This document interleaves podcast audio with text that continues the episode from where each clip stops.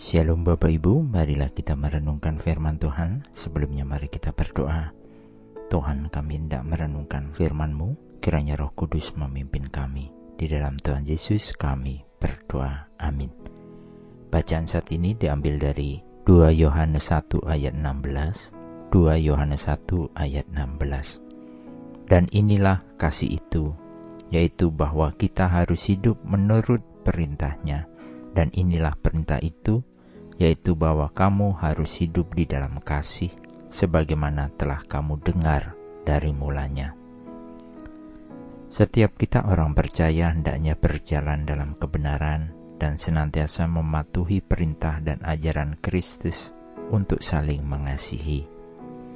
Teladan ini Kristus ajarkan kepada kita karena Kristus telah mengasihi kita dan menyerahkan dirinya bagi penebusan kita orang berdosa. Kristus juga mengajarkan tentang kebenaran, bagaimana kita hendaknya hidup di dalam kebenaran Tuhan. Hidup menurut perintahnya dan hidup di dalam kasihnya adalah pesan yang ditulis oleh Yohanes dalam bacaan saat ini. Kasih tanpa kebenaran perintah dan ajarannya adalah kemunafikan. Kita tidak bisa menjalankan salah satu darinya, karena kasih tanpa kebenaran dan kebenaran ajaran tanpa kasih, maka semuanya menjadi sia-sia. Pesan ini kembali Yohanes sampaikan dalam bacaan selanjutnya di 2 Yohanes 1 ayat 9. Setiap orang yang tidak tinggal di dalam ajaran Kristus, tetapi yang melangkah keluar dari itu, tidak memiliki Allah. Barang siapa tinggal di dalam ajaran itu, ia memiliki Bapa maupun anak.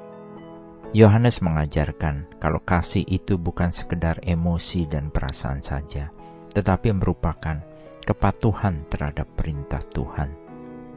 Ketika kita mulai mendengar ajaran-ajaran yang mengutamakan salah satu dan mengabaikan yang lain, hendaknya kita perlu berhati-hati, karena mengasihi dan mematuhi ajaran Kristus menjadi satu paket yang tidak bisa saling meniadakan kita diundang untuk bisa meneladani keduanya itu di dalam kehidupan kita. Jadi marilah kita senantiasa terus belajar untuk memahami apa yang Tuhan sampaikan dalam kehidupan ini. Karena karya Kristus di dunia ini adalah nyata untuk manusia, untuk menjadikan kita mengerti akan segala salah dan dosa kita. Dan oleh karenanya itu, hendaknya kita menjadi pribadi baru yang hidup menjalankan teladan ajaran kasihnya. Amin. Mari kita berdoa. Bapa Surgawi kami berterima kasih karena Tuhan sangat mengasihi kami, sehingga kami memiliki hidup yang kekal karena penebusan Tuhan di kayu salib. Tolong kami untuk hidup dengan iman dan berjalan dalam kasih, sehingga hidup kami boleh meneladani ajaran dan kasih Tuhan. Terpujilah Engkau Tuhan, di dalam Tuhan Yesus kami berdoa. Amin. Tuhan Yesus memberkati. Shalom.